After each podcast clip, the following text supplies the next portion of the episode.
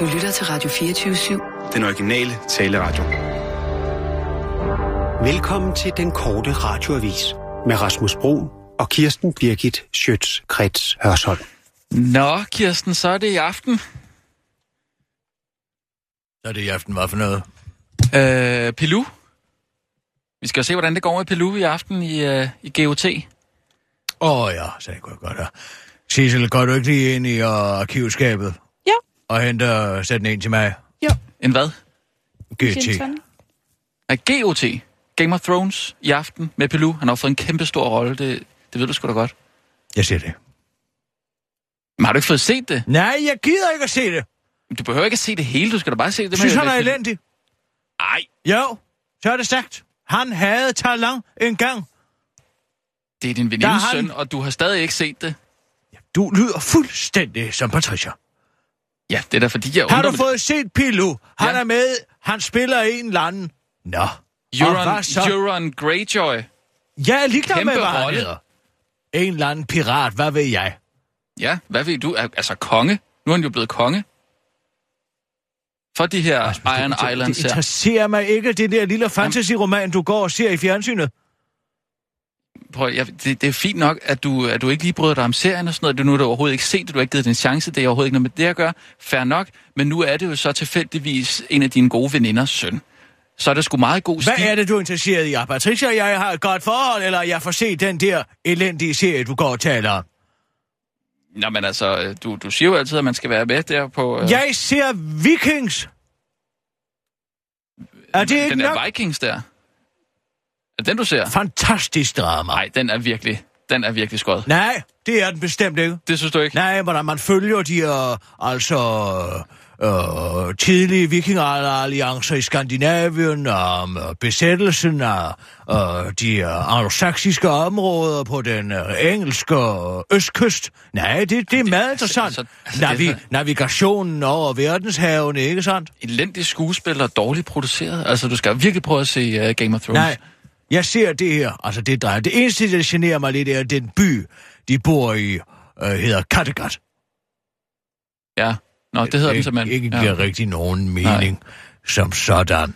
Og i og med, at det er et hav, Ja. ja. jeg tvivler på, at der er så mange byer. Det, vil- altså, det betyder jo øh, altså Cardanus, ikke? Ja. Det er jo, Nå, der, okay, det er jo ja. derfor, det kommer så gat på et Ja. dyr. Det er jo altså øh, kloakudgangen, ikke? Så at sige. Okay. Det er jo derfor, Kattegat er meget snæver. Ja, men jeg siger bare, altså- Snæver sejlrane, ikke? Ja. Man skal virkelig kunne navigere de mange rev, der er i Kattegat. Ja. Ja. Derfor så de gamle søfærds, at det er altså med kats røvhul, simpelthen. Nå at ja, ja, det her, er mange rev der. Ja. Okay.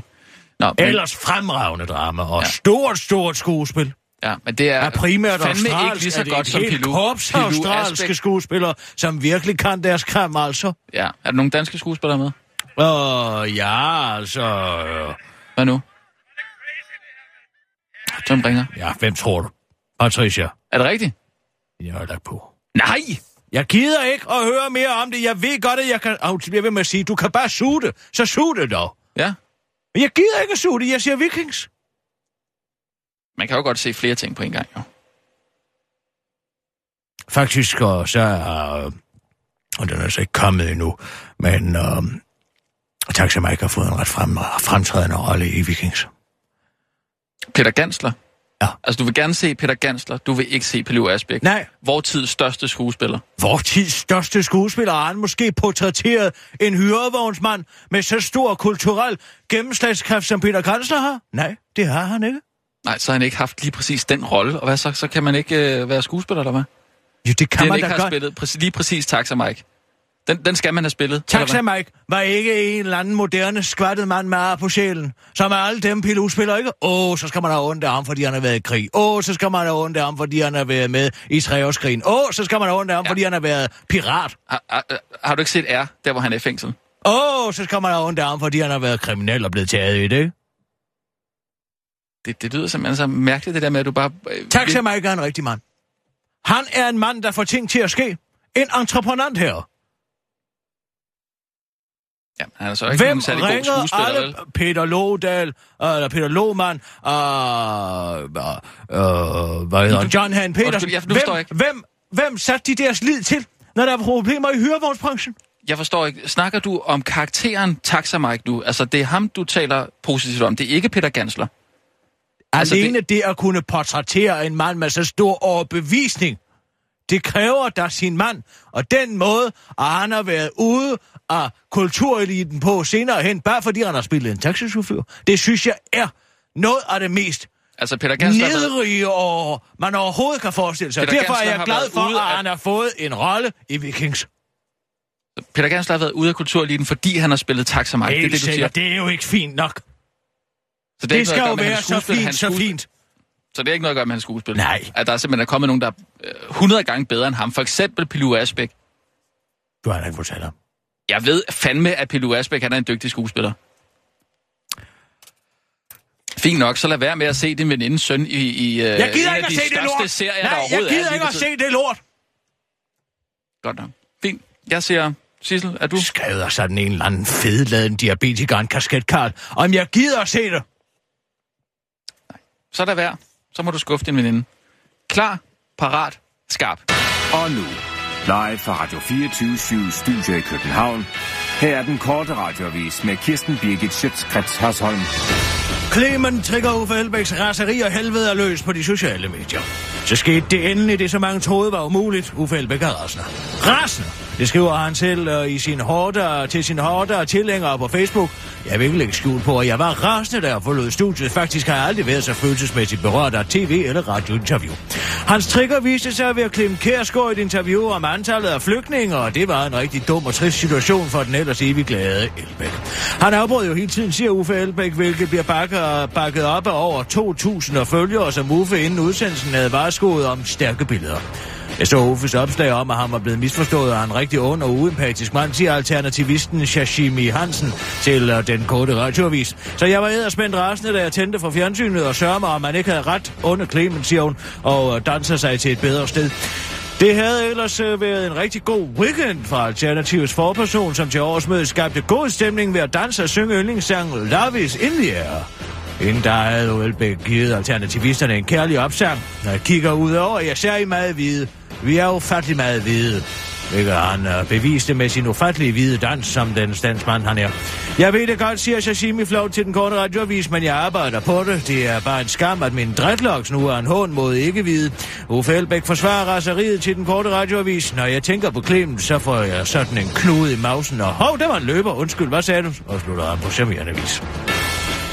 Nu kommer forklaringen på Henrik Sars Larsens valgbrændert. Jeg var fuld. I et stort anlagt fødselsdagsinterview med den nu 50-årige Henrik Sars Larsen til Fyns Stifttiden afslører Socialdemokratiets gruppeformand nu endelig nye detaljer om sit uheldige optræden på tv sidste år på valgaften, hvor han virkede som om, at han var skidefuld. Et klip, som han efter sine aldrig selv har set. Mange danskere har siden valgaften dog spekuleret over, hvad der måtte skyldes den meget spøjse optræden på tv. Var det en hjerneblødning? Havde Sars Larsen lige været ved tandlægen og blevet bedøvet, eller kunne hans opførsel måske skyldes en længere tids depression, der er uheldigvis kulmineret ved valgnederlaget netop den aften. Svaret på det spørgsmål har indtil i dag været ubekendt for den brede befolkning, men nu træder den daværende socialdemokratiske erhvervs- og vækstminister Henrik Sars Larsen altså endelig frem og giver den rigtige forklaring på hans fuldemandslignende opførsel. Jeg var fuld, siger han, og det forklarer han nu selv og afliver dermed en gang for alle de teorier, der ellers har været, vedrør, har været vedrørende den uh, uheldige tv-optræden. Vi var fire mennesker, og vi fik knap tre flasker vin og hver øl. Vi opdagede ikke, at vi var beruset, men det gjorde andre udtaler en brødbetynget Henrik Sars Larsen til Fyns Stiftstidende. Rå resteplads 6 er fedt. Lokalavisen DK har, uden nogen speciel anledning, ud over sin egenskab som stifter af Danmarks første seksologuddannelse samt generelt selvudlevet seksualitet, interviewet menneskeekspert Jakob Olrik om fænomenet gløjholes. Altså et hul, hvor man kan stikke sin penis ind.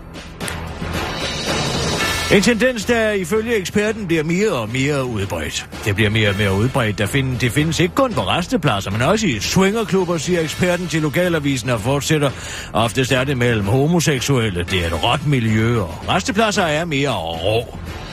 Jakob Olrik mener dog, at fænomenet med sex og med tilfældige på restepladser og gløjeholes bunder i noget kulturelt, fordi der hersker en berøringsangst over for krop og køn. Jo mere kropsangst øh, der er, jo større brug er der for en ventil, hvor man kan slippe seksualiteten løs. Eksempelvis i gløjehul, forklarer han til lokalavisen, mens han understreger til den korte radioavis, at det er en berøringsangst, som man ikke selv kender noget til. Jeg elsker min krop, jeg elsker min rå mandekrop, jeg elsker min rå mandekrop, der ikke er en bøssekrop brød Ulrik, til den korte radioavis. Hvorvidt Ulrik selv benytter sig af Glejehols melder lokalavisens historie, ikke noget om. Men det er også helt lige meget, fordi det er en rigtig god historie alligevel. Det var den korte radioavis med Kirsten Birgit Skridt. Hør sådan.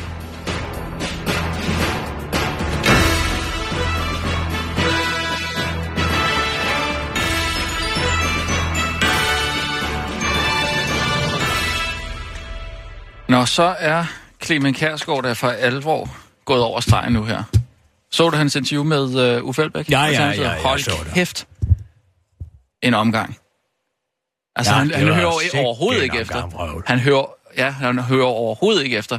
Hvem? Altså, Uffe? Ja, nej, øh, Clement, ikke? Altså, han hører ikke efter svarene. Han er overhovedet ikke interesseret i at finde løsninger på de svar, som, eller de spørgsmål, som han selv stiller, ikke? Find som løsninger Uffe- på de spørgsmål, han Ja, selv stiller. Ja, altså han, han, han, han spørger, han lader som om, han er interesseret, men det er han jo overhovedet ikke. Han har jo sin helt er egen agenda. Som, få et svar, ikke? jo, jo, men han er ikke er så interesseret i at høre, hvad løsningen på, på det svar er. Løsningen på svaret er vel også ligegyldigt. Det er vel på, op til politikerne at finde løsningerne på samfundets problematikker, og så fremlægge dem. Ikke? Jamen, han hører ikke efter. Han vil jo slet ikke høre Ja, efter. jeg hører ikke efter, når der ikke kommer et svar. Der kom der Men prøv at høre her. Hvis man gerne vil påstå at en politik, så må man jo fremlægge den politik, man har. Det nytter jo ikke noget, at man går ud og siger, at jeg vil ikke sætte et tal på asylansøgere, hvor mange asylansøgere Danmark kan tage. Men det er et sted mellem 10.000 og 50.000, ikke? Mm. Samtidig så vil man gerne opfylde, uh, opfylde EU's menneskerettighedskonventioner, men man vil også sige, at man kan få for mange flygtninge. Altså, Ja, men han det er siger jo, at der skal nej, findes er en fælles fuldstændig løsning, ikke? Altså, der alternat- skal ligesom- Jamen altså, der skal findes en fælles løsning. Det er Ja. jo ikke en løsning. Det er jo et forslag til en model, hvorved der kan findes en løsning. Det er jo ikke en løsning på problemet. Så må man jo sige, at vi går sådan og sådan og sådan. Nej, men han siger jo, at de vil gerne gøre det bedre, end det der øh, Lars Lykke for eksempel har fået forhandlet sig frem til øh, i EU. Ikke? Altså det, det kan, det kan, det, kan, det vil de jo vi kunne gøre bedre. Hvis de havde sat sig ned, det Ja. fortæller han jo, hvis de havde sat sig ned og taget diskussionen, så havde de også kunnet finde løsning på det. men altså, når Enzo Ferrari står nede i motoren og siger, jeg vil gerne lave en bil, der kører hurtigere. Ja. Kommer der en bil, der kan køre hurtigere af det? Ja, altså det, det starter jo med den tanke, kan man sige, ikke? Ja, men alt starter jo med en tanke, men det behøver man vel ikke at sidde i et tv-program og udgyde sine tanker. Altså, ja. nu må den her, den hele den her idé om Uffe Elbæk som sådan en naiv fantast, det bliver nødt til at høre op. For ingen er mener mere udspekuleret end Uffe Elbæk. Uffe Elbæk er udspekuleret. Er Uffe Elbæk udspekuleret? Uffe Elbæk, han er en af de mest udspekulerede mænd overhovedet i Danmark. Har du mødt ham? Ja, det har jeg. Og jeg ser lige igennem den lalleklæde dansefacade, han har på. Hvad sker der umiddelbart i en interviewet? Hvad gør Uffe så? Umiddelbart inden interviewet bliver vist, ikke? Det bliver Ja. optaget fredag. Ja, Så bliver det sendt søndag. Og inden, lige inden interviewet bliver sendt, ja. så går Uffe Elbæk ud og siger, at han er ked af det. Ja, Han det er, så jeg godt. Han er blevet det så jeg godt. ked af det, Jeg fordi at. Clement, han har været hård ved ham. Ja, Ikke? den, den har jeg. Prøv at se, to sekunder. Jeg skal lige på Facebook. Uh, det er rigtigt, ja. Der skriver en kære Facebook-venner, jeg har lyst til at dele nogle ret personlige overvejelser med Åh, jer. er. Årsagen er, at jeg i fredags deltog i et interview. Uh, Ja, ja, ja. Du bør ikke læse det hele op. Det er jo, den er jo næsten lige så lang som krig og fred, den Ja, og skulle uh, diskutere Men flygtningekrisen. hvad er det? Det er et genialt kommunikativt og greb, ikke? Alle, der åbner op, de kommer til at se, nu er Uffe et offer. Uffe er offer. Uffe er offer, ikke? Jamen, det var han også. Han Og så mobiliserer han hele sin alternative trolde her, for tro ikke, han ikke har sådan en. Præcis som jeg har min trolde her, så har Uffe sin. Og de går ind og vælter hele den internetdiskussion ned med, og det er også for dårligt. Og nu er Clemen gået over grænsen, fordi han forlanger et svar. Og hvad er det i øvrigt, han skriver Uffe Elbæk, og han føler, at det er et bagholdsangreb, som er nøje planlagt af Clemen. Ja, det hedder en spørgeplan. Det gør alle journalister skutter. Ja, du gør det ikke. Nej, men det er da, fordi jeg ikke har behov for det. Ulla, Terkelsen gør det heller ikke. Nej, hun har behov for det. Men jeg har ikke behov for det, og derfor behøver jeg ikke at gøre det. Jeg kan sagtens gøre det. Altså, altså det, er- det er jo ligesom at spille skak med Gaspar for blive interviewet af mig, ikke? Jeg har, jeg tænker 20 træk frem, Mm, ikke? ja, Men. Clemen bliver jo nødt til at lave en spørgeplan, ikke? Ja, han er nu også ret skarp, ikke? Men altså, han er jo bare mere, han er jo mere interesseret i sig selv. Han er, han er, Nej, det han er sgu da interesseret. showet. Hør her. Nej, Hvis man er magt han herovre, er så og- hør nu lige her, hvor mange, øh, hvor mange stemmer har Alternativet? Hvor mange procent af stemmerne har de efterhånden? 10 10 procent, det er en max-faktor. Max, max, max, Max faktor. Factor. Max-faktor. Ja. Max-faktor. magtfaktor, ikke sandt? Magt. Magtfaktor Ja, magt. i dansk politik. Så hvis man gerne vil, altså, øh, tage ens vælgere stemmer seriøst, så bliver man jo nødt til at fremlægge en rent faktisk en politik, som har nogle konsekvenser, ikke? Mm. Men prøv at høre her. Jeg synes, det mest interessante var den her sag. Ja. Det er det, alle dem, der går i bræschen. For Uffe. Alternativets vælgere typisk, ikke? De ved godt, hvad det er på spil. Det gør, at de ikke ved det rent kognitivt. Men de ønsker jo faktisk ikke, at Uffe skal afgive et svar. Mi- Nej, stop. miljøet jo, ikke? Altså miljøet, det er jo det, der er det, der er det, det er jo det Hvad store fanden er du siger? Hvad er det, det betyder, miljøet? Jamen, det er det, er store spørgsmål. Ja, det er jo øh, altså klimaet. Det er jo det, det, er jo det Nej, største hør spørgsmål. nu efter her, hvad jeg siger til dig. Jeg kommer faktisk med en knivskarp analyse af, hvad der foregår.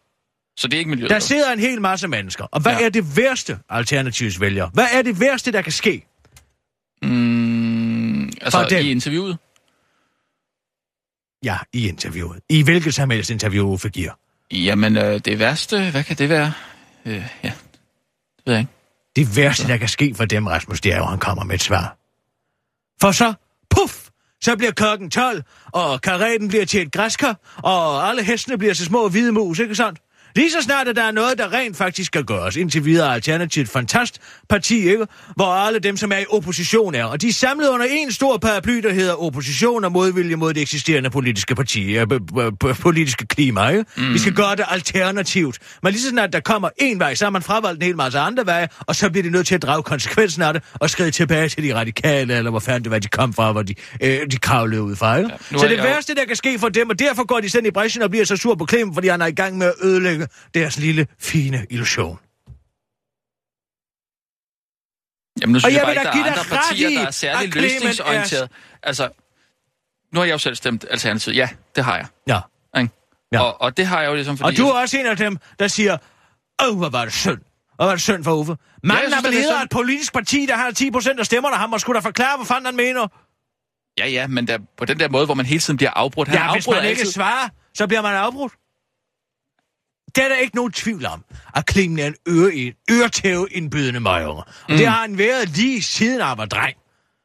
Han var Ja, en ulidelig dreng, og jeg er da ja. Også sikker på, at han er skide sur på Uffe, for at han ikke fik alt det der dukketeaterhejs igennem dengang han boede i Aarhus, ikke? Dukketeaterhejs. Ja, Clemen Gersgaard er jo altså en drøm om at blive Danmarks Jim Hansen dengang, ikke? Altså Øh, dukkefører. ham Fra Muppet Show, eller Ja, hvad? han lavede dukketeater, Clement. Nå, altså da han var barn, eller hvad? Nå, altså, da han var voksen. Men dengang han... Jeg dukkefører, du ved. Jeg er faktisk ikke sikker på, om det var marionetter, eller om det er hånden op i. Nå. det på mange måder, det er det samme. han Det lavede han, eller hvad? Men altså, han lavede det dengang, ikke? Og dengang, der sad Uffe i 90'erne, der sad Uffe jo på hele kulturlivet i Aarhus, ikke? Så Ja. jeg ved ikke, om der er sådan et eller andet Hitler-kompleks med, at han er vred på Uffe Elbæk. Men jeg synes nu, han gør det Aha, fint. jamen så der er motivet så. Motivet, han er journalist for helvede. Ja, jamen du siger selv, at han er blevet afvist nej, af Uffe nej, Elbæk. nej, nej, nej, nej. Ved du hvad? Journalisterne i Danmark, de burde skylde deres befolkning. At de overhovedet ikke... Ja, at de overhovedet... Det gør jeg faktisk, når jeg taler om det her. At de overhovedet bringer interviews, hvor, hvor øh, politikere taler udenom. Det giver dem jo faktisk en årsag til at gøre det, hvis man som dansk journalist har en over en kamp fra i dag til i morgen sagde, vi bringer ikke et interview med en politiker, hvor der ikke kommer et svar. Nu ved vi jo ikke, om der kom et svar, for han fik jo ikke lov til at, at svare. Han havde, hvad, 25 minutter til at komme med et svar. Der kom sgu ikke noget svar. Jamen, det var fordi, han... øh, Nej, det var ikke, fordi han blev afbrudt. Lad nu være, din apologet. Ja. Jeg siger det bare, som det er. Ja, ja, og det er jo sikkert også helt forfærdeligt, at Nej, for jeg skal da Alternativet, Alternativet øh, dansede til deres, øh, til deres arrangement der, til deres årsmøde. Og der, der de er da Ja, også blevet ja, latterligt der er gjort, for så har man ikke engang danset længere. Hvad er det for noget?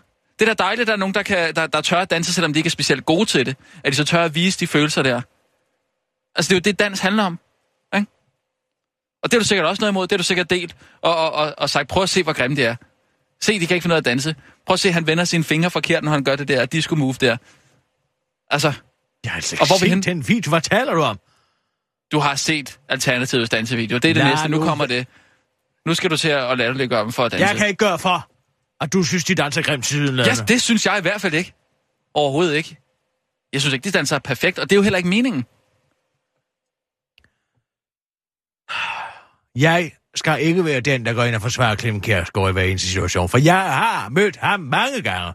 Også, altså, i den gamle by, ikke? og han voksede op i den gamle by, det kan man så godt mærke på ham. TV-byen. Den gamle by i Aarhus. Far var direktør for den gamle by Nå, Erik. nå, ja, Jeg okay. kendte. Ja.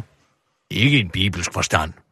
Men havde det været til nogle sø- middagsselskaber der, derude. Og skal altid underholde. Øh, ja. Hvem skulle underholde? Clement. Skulle du underholde? Ja, Nå, så sidder man de her voksne mennesker, og så kommer der sådan en knægt ind med et dukketeater, ikke? Ja. Så laver han sådan en tale til at begynde med, som ingen mening giver. Hvor han forsøger at være morsom. Tale. Ja, sådan en åbningsmonolog, han har set for Jimmy Carson dengang, ikke? Nå, okay, Som var ja. dybt betagende. Så ja. man hører på sådan en gammel, blå, klog barn. Kirsten Birgit, har du nogensinde hørt om stavnsbåndets ophævelse? Ja, har. Gå ud og lege, Clement. Kan du ikke gå ud og slå smut, eller et eller andet? Mm. Men var det godt, det dukketal så? Det var faktisk meget betagende. Var det det? Ja, og, og, og stor forståelse for dramaturgi. Ja. Og morsom er han jo ikke. Det var man giver. Han skræmmer jo også livet af det publikum hver eneste gang med sine monologer. Man skræmmer det, det Ja, det, den her sidste, ikke? Hvad var der på forsiden af politikken, ikke? Folk tør jo nærmest ikke sige noget. De sidder jo fuldstændig paralyseret af angst. Det er jo, øh, altså, som at se det forsømte forår. Er det ikke morsomt? Ja? Mm. Nå ja, ja. ja. Hvad sker der i det her? Jeg tror ikke, han har nogen til at skrive for sig. Hvem bliver den næste amerikanske præsident? Huh? Trump? Er der en eller anden, der får sagt? Ja? Hvad er der på forsiden af politikken? Blod. Er der nogen, der piper frem? Et menstruationsbind? Det er jo ikke en quiz. Sig det selv. Det er jo det, der er pointen for fanden, Clemens. Ja, ja. vi skal have nogle nyheder. Ja, Kør. Klar. Og nu, Parat. live Radio 24 Studio Godt i. København. Her er den korte radiovis med Kirsten Birgit Schøtzgrads Hasholm. Hvordan er det nu lige med den partistøtte? Skal man oplyse den? Du kender det godt, du har lige fået 200.000 af din rige farmor. Hvordan er det nu med pengegaver? Skal man egentlig fortælle skatter, man har fået dem? Du går lige og tænker over det et par dage, og pludselig kommer du helt fra det, fordi du et af stederne ikke har lyst til at oplyse skat om dine flotte pengegaver. Hvad rager det egentlig også andre end dig, din farmor, og pengene er jo alligevel brugt nu, så pyt med det, tænker du, og fortsætter din daglige gørmål, som om intet var et. Det er en noget lignende situation, som mange af landets øh, er egentlig ellers bundhederlige politikere nu er blevet taget i. Og så alligevel ikke, men de har i hvert fald modtaget penge fra lobbyorganisationer, som de ikke har oplyst Folketinget om. Det kommer du frem efter en ny bog med titlen Skjulte penge netop er udkommet, og som beskriver lobbyismen i dansk politik. Men der er altså bare tale om helt simple menneskelige forglemmelser fra politikernes side, og derfor er der slet ikke tale om, at lobbyorganisationer eller politikere ønsker at skjule sandheden om, hvem klokkerne i virkeligheden ringer for i det her samfund. Det forklarer mesteren i Jedi Mind Tricks, Cloud Jordan Vader, der nu i en skriftlig kommentar til Berlinske siger, jeg er glad for, at min kredsformand har sikret, at der nu kommer styr på indberetningerne. For formalia skal naturligvis være i orden, lyder kommentaren, der er for 25.000 kroner sponsoreret af Saxo Bank. Afrika om Caitlyn Jenner. Få det væk. I Afrika er transkvinden Caitlyn Jenner er blevet offer for censur. Den tidligere mand og atletikstjerne, som nu er en kvinde og realitystjerne, har fået taget sit show I Am Kate af skærmen i hele kontinentet af den sydafrikanske tv-udbyder Multichoice. Ifølge nigerianske medier er det forældre i Nigeria, der, Nigeria, der er klædet over tv-showet. De bryder sig ikke om, at deres børn kan se med, lyder det. Sidste år bad det nigerianske tv-nævn ligeledes Multichoice om at stoppe tv-showet I Am Just der også handler om en transkvinde. Men uh, nu står nigerianske forældre frem og forklarer til den korte radiovis. Vores klage har intet at gøre med, at hun er en transperson, siger et par, som vi for nemhedens skyld kalder Åse og Anders. Vi er egentlig også ligeglade med, at vores børn skal se reality shows som trans, der har kørt en kvinde til døden. Nej, vi klagede simpelthen, fordi det var så dårligt tv. Nu har vi endelig fået øh, et amerikansk tv-program, og så er det sådan noget lort. Meget har de bundet igennem alle disse år, men der sætter vi simpelthen grænsen, siger nigerianske Åse og Anders til den korte radioavis. Danske studerende er slet ikke dygtige nok til at føle sig krænket. Det er et kæmpe problem på de danske universiteter, at de studerende slet ikke bliver klædt ordentligt på, så de kan gribe muligheden for at blive krænket, når chancen byder sig. Det mener Front, der er en ny dansk studenterforening bestående af studerende fra RUK, Københavns Universitet og Aalborg Universitet. Front er glad til Københavns Universitet for brud på FN's menneskerettigheder, fordi universitetet ikke gør nok for at promovere rettigheder og friheder, det skriver DR, der har lavet et interview med tre af medlemmerne. Københavns Universitet er ikke gået nok, når det gælder menneskerettigheder. Som studerende har vi oplevet, at det ikke bliver håndteret adekvat, siger Tara Skidegård Thorsen, der netop har lært ordet adekvat, der betyder tilstrækkeligt fyldeskørende eller dækkende, hvis man altså ikke går på universitetet. Flere af medlemmerne har endda oplevet, krænkende, oplevet krænkelserne på egen krop, fordi de er mørke i huden. Det drejer sig ud over Tara Skadegård Thorsen også og Christoffer Marcias Escalona, der også er mørke i huden. Front er stiftet, fordi vi alle sammen i foreningen har oplevet en masse diskrimination, både på universitetet og i relation til de andre studerende, og i relation til undervisere og lignende. Det er blandt andet alt fra mikroaggressioner, der går på, hvor kommer du fra, og så til det meget udtalt og som blackfacing og den slags, som jo ikke længere er så svært at identificere, siger Tara Skadegård, hvis etnicitet stadig står hen i det uvisse, fordi journalisten efter den udtalelse måtte stryge spørgsmålet fra spørgeplanen, og hun supplerer sig den hvide mand, Andreas Sidenius, der også er medlem af gruppen. Vi valgte navnet Front, fordi gruppen øh, går i front. Vi var tæt på at kalde os manbuns og Macintosh-computer, fordi mange af os har manbånds og Macintosh-computer, forklarer Andreas Sidenius til den gode radioavis. Tara har i egenskab af filosofistuderende også oplevet sig diskrimineret på sit køn, fordi pensum er gennemsyret af mandlige filosofer. Jeg kan som kvinde på filosofi ikke identificere mig i den litteratur, jeg læser, fordi der ikke bliver undervist i nogen kvinder på filosofi. Det er, som jeg oplever det, meget til højrebenet at læse det, som om, at jeg ikke har plads i filosofien, og hvis jeg skal have en, så skal jeg i hvert fald kæmpe for det, siger Tara, der bebrejder Københavns Universitet, at Hegel ikke var en kvinde, og tilføjer til den gode radioavis. Og det kan vel ikke være meningen, at jeg skal kæmpe for noget som helst. Formålet med foreningen er at få Københavns Universitet til at undervise mere i diskrimination, diskrimination sådan så de studerende lettere kan identificere en krænkelse, inden det er for sent. For selvom Københavns Universitet spørger deres elever om, hvorvidt de oplever diskrimination, hvordan skal de studerende så i så fald give et fyldeskørende, undskyld, adekvat svar, hvis de ikke taler krænkelsens sprog flydende, indvender Tara. De spørger ikke ind til, om du oplever diskrimination på baggrund af køn eller farve eller klasse. De spørger om diskriminationen og forventer, at den studerende ved, hvad diskrimination er, uden at undervise i eller informere om det, siger Tara til DR og forklarer yderligere, hvad hendes utopiske drøm er.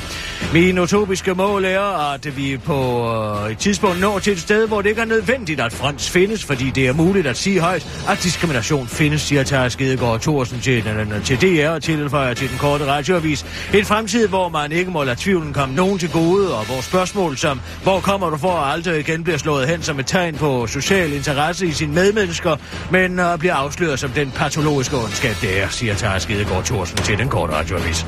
Det var den korte radioavis med Kirsten Birgit Sjøtskreds altså.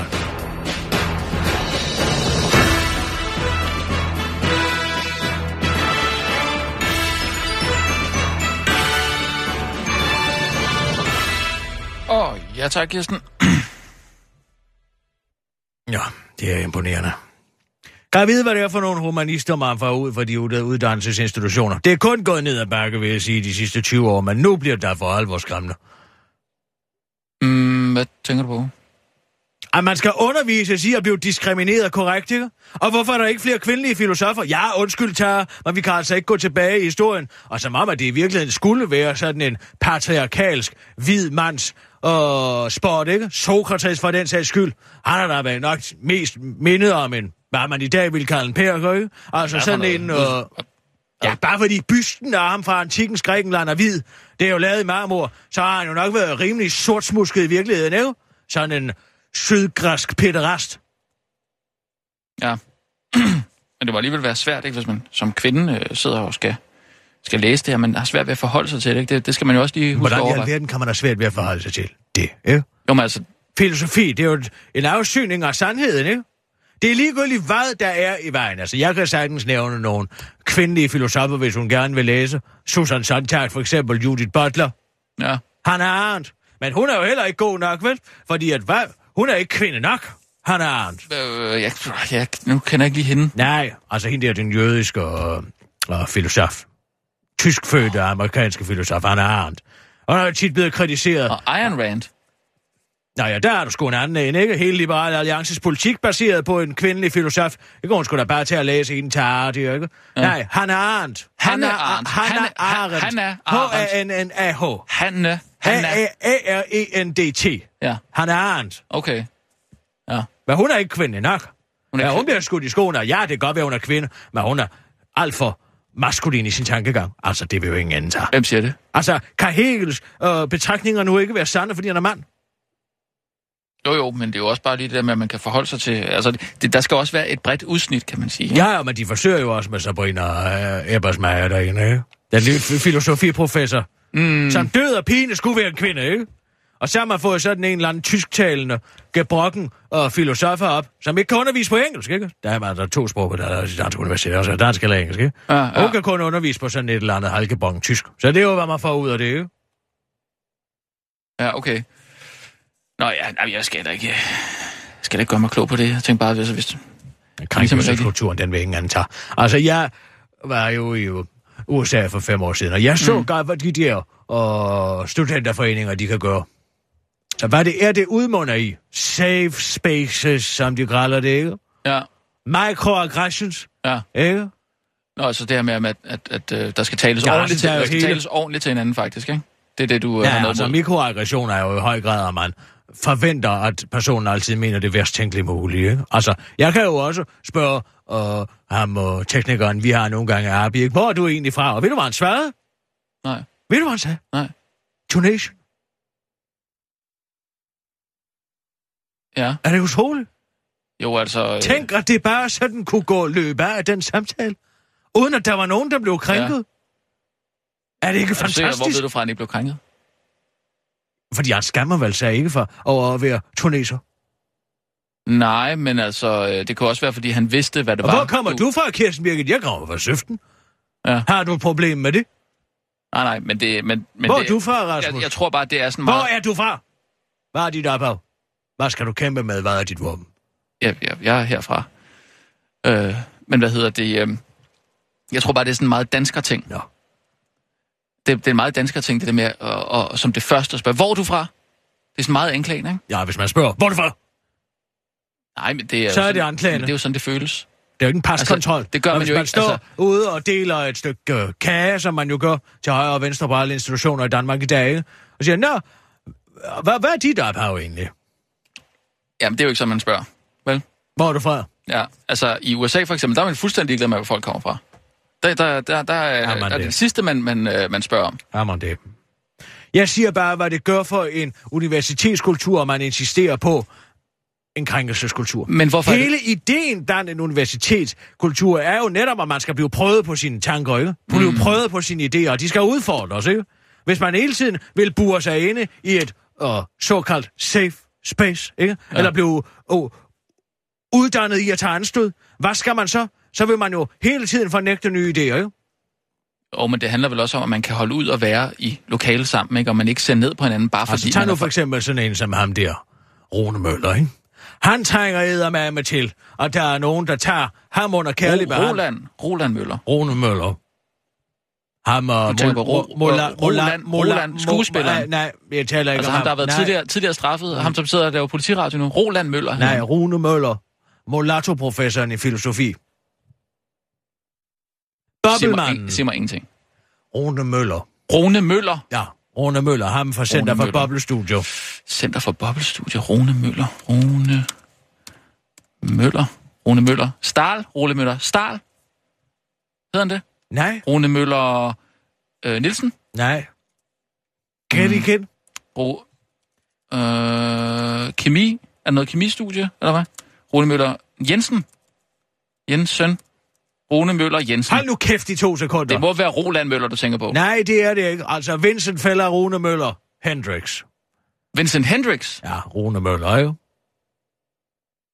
Ja, vi gør Hvem det. snakker vi om nu? Snakker vi om Rune Møller eller Vincent Hendricks? Det er en og samme person. Han hedder Vincent Feller Rune Møller Hendrix. Jeg kalder ham altid Rune Møller, fordi Vincent. jeg synes, det er, det er morsomt at nedbryde den her amerikaner-udtryk, Vincent Hendricks her, ikke? har. Ja, Center Ja, for ham, det, han er mega sej. Han er super. Altså, øh, ja. Han er meget fed. Han kan jeg godt lide. Hvad er du imponeret ved? Nå, men han er Han bare kan få meget... 14,5 millioner ud af Ny Carlsbergfondet til at, at studere noget, som per definition ikke kan opdages, før det, før det er over. Nej, men han er bare ikke så tør og kedelig. Han er sådan meget, øh, taler meget, møder meget folk i øjenhøjde, ikke? Jeg tror også, han kører motorcykel, faktisk. Altså, super fed formidler. Altså... Det, ja, nu ved jeg hvor godt, han hedder da ikke... Øh, hvad hedder du? Hvad siger du? Rune? Rune Møller? Rune... Hvad siger du? Vincent? Vincent? Hvad siger du? Rune? Gud, hvad er du irriterende i det. Fæller? Vincent Feller Rune Møller Hendrix. Nå, det hedder han. Okay, sorry. Sorry, det vidste jeg ikke. Hvorfor kan du ikke bare sige Vincent Hendrix, som alle andre kalder ham? Jeg siger bare, at hvis det er den slags filosofi, man får indenbords, når man laver raceinklusion og så videre, så videre for raceinklusionens skyld, så siger jeg nej tak. Det må de gerne beholde. Boblestudier. Center for boblestudier. Mm. Center for Er boblestudier. Ja, han studerer bobler, ikke? Jo. Han, han studerer internetkultur, ikke? Og hvordan meningerne bliver opløst, påstår han på, på internettet, ikke? Uden at vide, hvad et internet-meme er. Er det ikke imponerende? Men det er en boble. Ja, han mener jo, at det er en holdningsboble, ikke? Hvad, Internettet eller memes? Den sociale konstruktion, der er nu på internettet, med holdninger kan komme ud, og det man, man så at sige bypasser ekspertvældet, ikke? Mm. Han er jo sat i verden til at undersøge boblers natur, hvad der være finansbobler, eller ja. boligbobler, eller alle mulige andre bobler, men hele boblens væsen Det er jo er vildt jo... interessant. Vildt interessant. Ja, men man kan jo ikke... Du kan jo ikke genkende noget som værende en boble, før den er sprunget. Per definition. Ellers så er det jo bare stigende markedspriser. Man bliver nødt til at finde ud af, at det er en kunstig pris, og det gør man først, når markedet krakker. Så du kan per definition ikke finde ud af, om noget er en boble, før det er for sent. Og Men- så har han fået 14,5 millioner kroner af den fondet til at undersøge, hvad bobler er, og hvordan man kan opdage dem. Hele hans Jamen, det bog er det, det- plæderet til med, hvis det her, så må man også kunne antage noget andet. Det er en lang antagelsesrække, som ingen mening giver. Han burde have et drag over nakken, simpelthen. Om, altså, forskerne ikke i det for netop at kunne øh, forudse, hvornår Du boblerne kan ikke opstår. forudse, hvornår en boble er, fordi indtil den er sprunget, ligner det jo bare et løft i markedsværdien. Boligboblen, det ligner jo bare, at, der, at boligerne bliver mere værd. De blev jo solgt til det, det var. Så det koster jo ikke. Det var først, man fandt ud af, at lånene var nogle falske lån, ikke sådan? Jo, men Og se nu hele den her dunk-sag. Der vil man Ja. ja. jo Vincent Hendricks logik sige, ja, men altså alle de her 200.000 mennesker, der gik ud på internettet og protesterede mod dunk det var en boble, ikke en meningsboble, for der var ikke nogen eksperter i, og hvad vidste folk i virkeligheden om det. Og hvad så? Bum! To år efter viser sig, at vi alle sammen havde ret, ikke? så det var en boble, eller hvad? Mener du?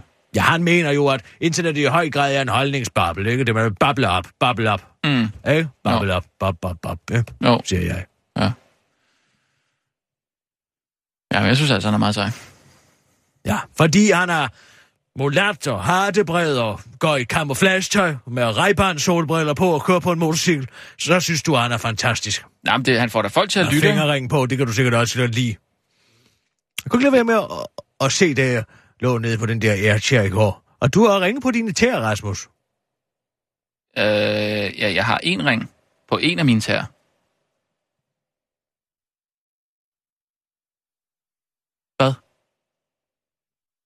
Fordi jeg havde sandaler på. Ja, kunne jeg se. Du havde en tørring. Ja. Hvad med sådan en fin uh, ankelkæde? Så du gøre sådan en på? Det ved jeg ikke, det kunne jeg da godt finde på. En ankelkæde. Nu har jeg ikke lige fået nogen ankelkæde. Nu har jeg fået en, øh, en tårring. Altså, hvad, hvad, hvad så? Er det nu et problem at have tårring? Det ved jeg ikke. Hvad, hvad synes du selv? Jamen, Jeg troede et øjeblik, at det var et Michaels fod, jeg stod og kiggede på. Michael, jamen, det var min fod. Ja, det vidste jeg så Nå, hvad, hvad, kan man nu ikke have, have, have tårring? Nej, det kan man ikke. Man kan ikke, man kan ikke, Okay. man kan ikke have en ring. Ej, prøv, lige at stoppe det, kan der. man Sissel. Sissel, Ja, kan man have tårring? øhm, Du bare øh, svarer ærligt. Du skal ikke tænke på, hvad Kirsten siger. ej, Rasmus, det ved jeg ikke, om jeg har lyst til at svare på. Det er jo ikke, altså, det er jo ikke mine her. Nej, det, nej, men det er jo heller ikke det, jeg siger. Jeg, jeg siger, at... Hold, altså... Er det fordi, er, er det fordi mænd ikke kan have tårring? Er det det, jeg siger? Vil du ikke have en kop kaffe, eller? hvad? Nej, jeg vil sgu da ikke have en, en kop kaffe. Jeg vil gerne have at vide, at du, om, om, om... Kan du godt lide din gin tonic? Den er så god, tak. Der er gurk i og peberkorn i. Ja, er det ikke sådan, Og bedst ved du, hvad der er ekstra dejligt ved den? den? Nej, hvad? Den har ingen tørring på.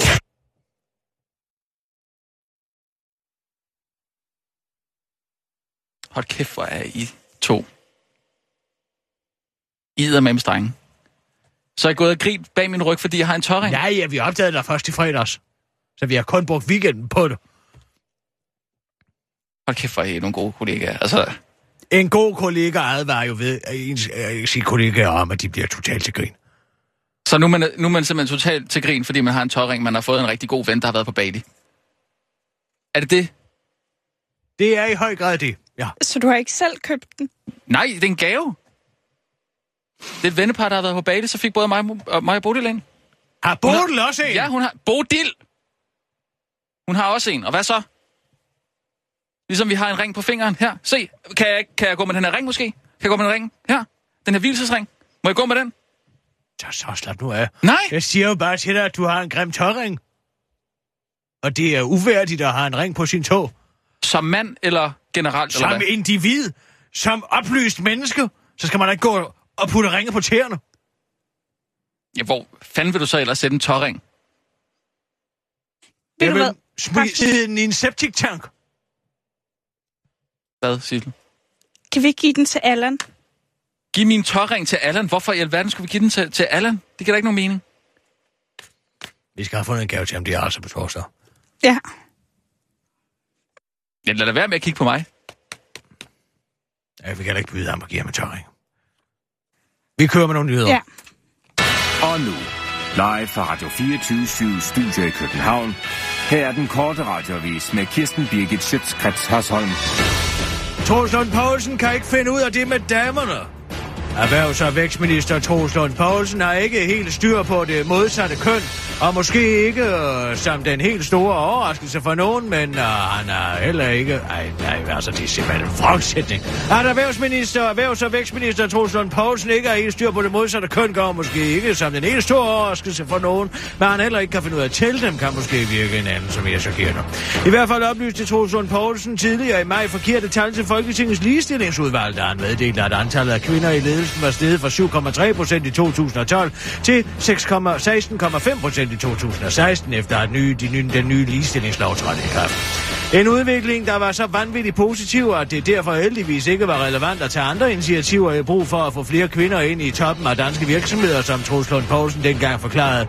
Men de tal viser sig nu ikke at være helt virkelighedstro, for mens de 7,3 procent udelukkende er beregnet på danske og generalforsamlingsvalgte bestyrelsesmedlemmer, tæller de 16,5 procent altså også medarbejdervalgte bestyrelsesmedlemmer og udlændinge. Og det er altså kommet fuldstændig bag på erhvervs- og vækstministeren, at de tal der ellers lige passede helt perfekt på regeringspolitik, desværre var forkerte. Jeg er blevet gjort opmærksom på, at tallene er blevet sammenlignet på en ukorrekt måde, hvilket jeg skal beklage, siger Troels Lund Poulsen i en skriftlig svar til ligestillingsudvalget, hvilket direkte kan oversættes til, jeg er blevet opdaget i at opgive øh, sminkede tal, hvilket jeg er bedøvende ligeglad med, fordi det ikke kan bevises. Derfor fik Danmark kun en 6. plads ved EM i stafet. Dansk Orienteringsforbund DOF måtte under et, øh, det netop overstået EM i Tjekkiet sende en leder hjem, fordi lederen blev afsløret i at installere skjulte kameraer på atleternes rum, så lederen kunne optage aktiviteter såsom for eksempel kvindernes badning. Derfor øh, er det øh, en rystet øh, elitegruppe, der vender hjem med et helt forståeligt behov for at bearbejde oplevelsen, fortæller DOF-direktør Michael Sørensen til politikken og fortsætter. Løberne er kede af situationen, men de er forfattet og tror fast på, at de kommer videre, hvad det er, siger han til politikken og tilføjer til den korte radioavis. Ja, det er utroligt. Sikkert overskud. Almindelige mennesker ville have, vel have lagt sig til at dø, hvis nogen havde filmet dem i bad. Trods sagen om den øh, klamme leder valgte løberne alligevel at slutte EM af med også at stille op til stafetten, og efter omstændighederne synes Michael Sørensen, at løberne gjorde det fint med en 6. plads, som han fortæller til politikken. De var jo chokerede, men samtidig savnede de jo også en leder. Der var nemlig en god leder, tilføjer forbundsdirektøren til den korte radioavis, mens han tvivler på, om løberne nogensinde kan præstere noget som trup og individuelt igen uden den leder. Og så øh, var det store spørgsmål jo, kan man være god leder og psykopat på samme tid, spørger han den korte radioavises udsendte rapporter er ikke svarer, fordi at den korte radioavises udsendte rapporter tror, det er et retorisk spørgsmål. Få dit hjertestop ude i byen. Tre ud af fire hjertestop sker i hjemmet, hvor mulighederne for hjælp er dårlige, særligt hvis du er alene hjemme.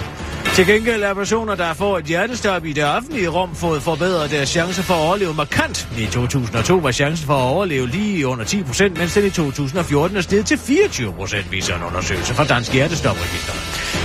Ifølge undersøgelsen skyldes det, at danskere er blevet bedre til at yde førstehjælp, og der er således sket en tredobling i antallet af personer, der modtager livreddende førstehjælp inden ambulancens ankomst. Den hurtige hjælp fra omkringstående kan ofte være det, der gør, man oplever. Det er, utro, og det er utroligt glædeligt, at vi ser en fjerdedel, og den fjerdedel overlever hjertestop i det offentlige rum, siger undersøgelsens bagmand Sten Hansen, der er læge og forsker på Aarhus Universitetshospital til TV2. Kræftet med nogle gode odds. Jeg tror, jeg flytter ud i det offentlige rum, lyder det fra en almindelig dansker og moderat overvægtig dansker, mennesker, som den korte radioavis har talt med. Det var den korte radioavis med Kirsten Birgit Sjøtskrets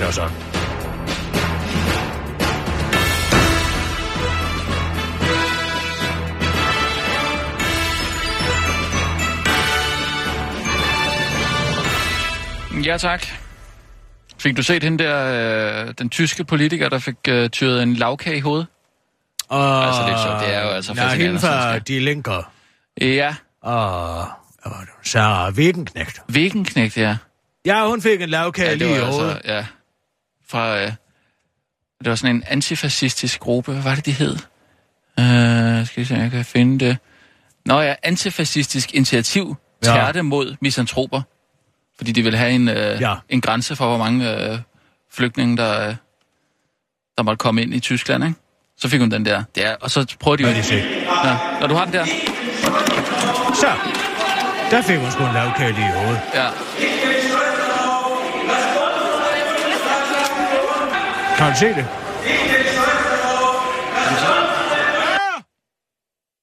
Det er meget kraftigt. Det er meget højt. Prøv, prøv at skrue lidt ned der. Ja, der gør ud der, ja. Ja, men så prøver de så at dække hende, øh, dække hende af? Med, prøver ligesom at, at skærme for hende med nogle... Øh, Så, der får hun en lavkage. men hvorfor spoler du hele tiden tilbage? Kan du ikke bare lige se den? Det er noget af det mest urkomiske at få en lavkage i hovedet. Altså, hvordan håndterer man lige den, ikke? Ja. Den er, den er svær at komme, øh, komme efter. Det, altså, det er jo det er fordi... Altså, man kan ikke rigtig tillade sig at blive sur over en lavkage i hovedet. Bang. Det er, altså, det er godt, det er godt tænkt at lige en lavkage. Fordi hvis det havde været maling, for eksempel, som med Anders Fogh, ikke, så, øh, så har det været mere alvorligt på en eller anden måde. Ikke? Mm, ja. Jeg husker en gang. Ja, hvornår det været? Det har vel været i 75. Og jeg var inde til en, en uh, jazzkoncert. Nå, Inde på uh, Hotel Scandinavia, det som er i SAS Radisson, jeg var. Ude på Amager. og ude på Amager. Ja, ja, ja, det var en jazzkoncert med en fantastisk... jazzkoncerter der i gamle dage? en, en, altså en, en helt fed jazzkoncert, vil jeg sige, faktisk. Nå, okay. Um, Jeg vidste ikke, der var jazzkoncerter jo, der. Nå. det var der. Der var jazzkoncert derude Var det sådan hipster? i 75. Hips, hip, hips? Det var et meget eksklusivt sted Nå, dengang. okay, ja.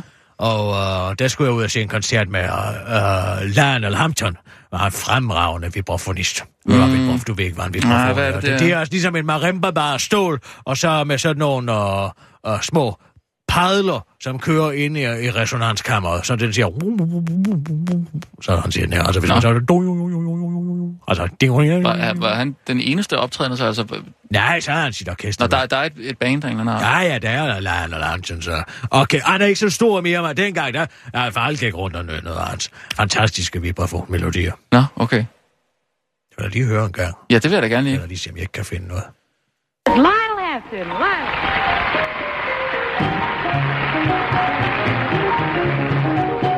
Her Flying Home, hedder den. Ja.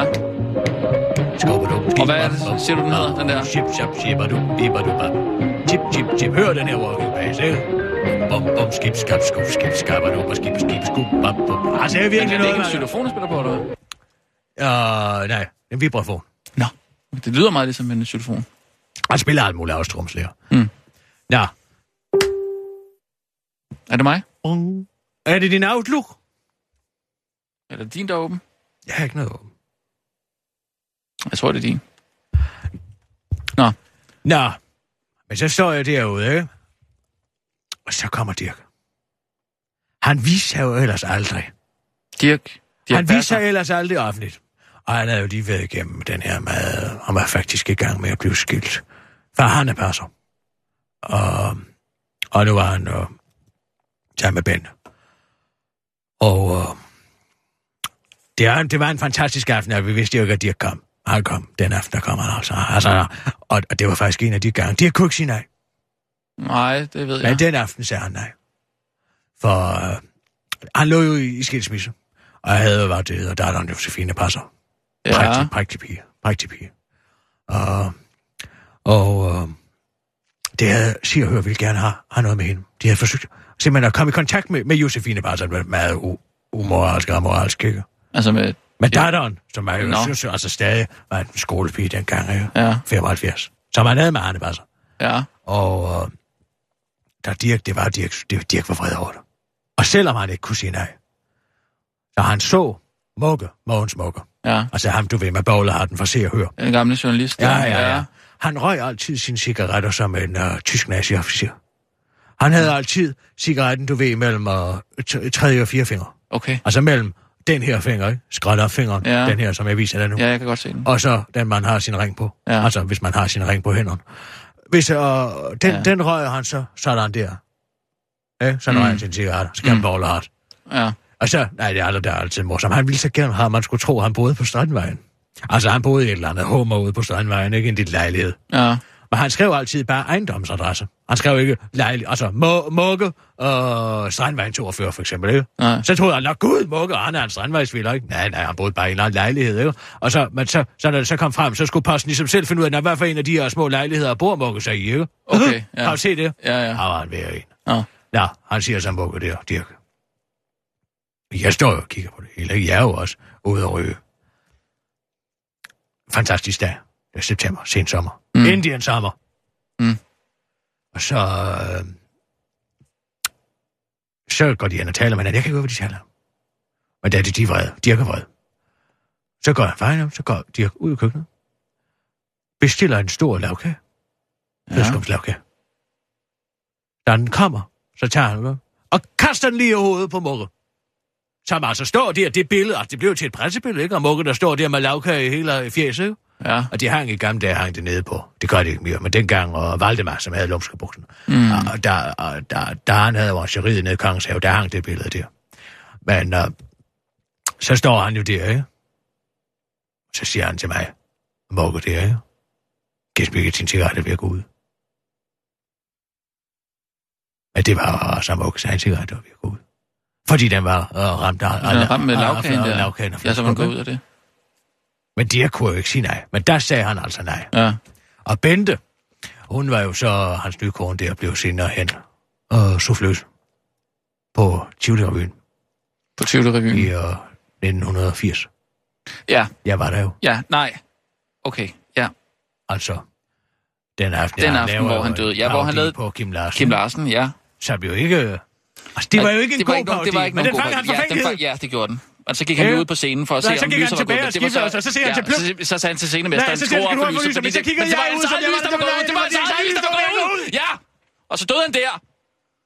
Han faldt ned oven på pløk, og så går jeg ud på scenen og siger, er der en læge til stede? Ja, Men og så ved grinede de alle Folk sammen. begyndte Ja, at grine, ja.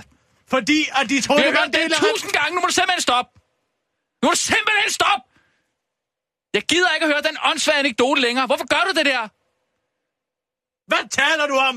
Er det overhovedet din anekdote, det der? Hvad, hvad er det, du siger? Han, Jeg Michael har jeg siger- fortalt dig nu. Jamen, Hvem jeg ellers- synes hvem er også, ellers, der jeg går har hørt den historie? andre steder. Den anekdote der. Hvad er det, du insinuerer, din tørringspærende idiot? Jamen, du får draget mig fuldstændig ind i den der historie om Dirk Passer. Jeg synes, det er skide spændende, der, når der er noget med Dirk Passer. Men så kommer den der åndssvage historie ind hver eneste gang med det lys, der var ved at brænde ud, og han kunne ikke sige nej eller en skid. Det vi skulle da hørt tusind gange. Og hvem har du hørt det tusind gange af, så måske? Det er jo mig, der har det narrativ. Vi kunne jo kalde ham Ulf Pilgaard. Hvad siger du? Ja. Er du færdig? Jeg vil ikke høre det ord. Jeg vil ikke høre det navn. Du skal ikke præsentere mig overhovedet for det navn. Den rankede... Læderhuds... Ah, nej. Er du okay? Er du okay, Kirsten? Ki- Kirsten, kan jeg gøre noget for dig? Kirsten? Har du brug for noget at drikke? Nej. Jo, du har altså brug for et eller andet. Nej. Lad mig være. Nej. Rasmus, jeg tror ikke, du skal røre hen. Ja. Kan du gå væk? Du har det ikke... Sniger du ind på mig? Nej, overhovedet ikke.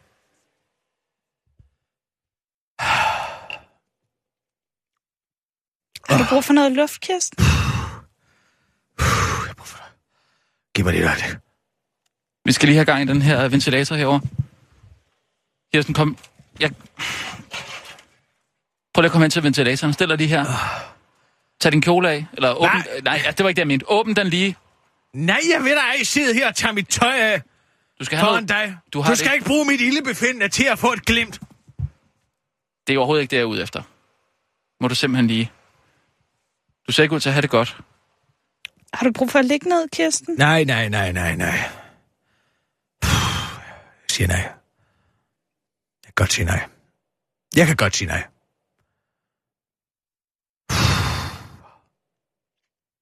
Nu bliver jeg altså bekymret for dig. Det, nu kommer den lidt op i mig igen, den der. Da du... Det er fuldstændig Men det er der, du... Ligesom i ABC Teaters opsætning af Mænd og Mus. Hvad? Jamen altså, de begyndte jo at grine af Dirk. Øh? De var jo vant til at have været en komisk skuespiller. Øh? Og Jamen, da han så kvæler Lone Hertz, så begyndte de simpelthen at grine. Fordi de tror Hvad jo, fanden? at det er gode gamle Dirk, og han forstærker det jo bare.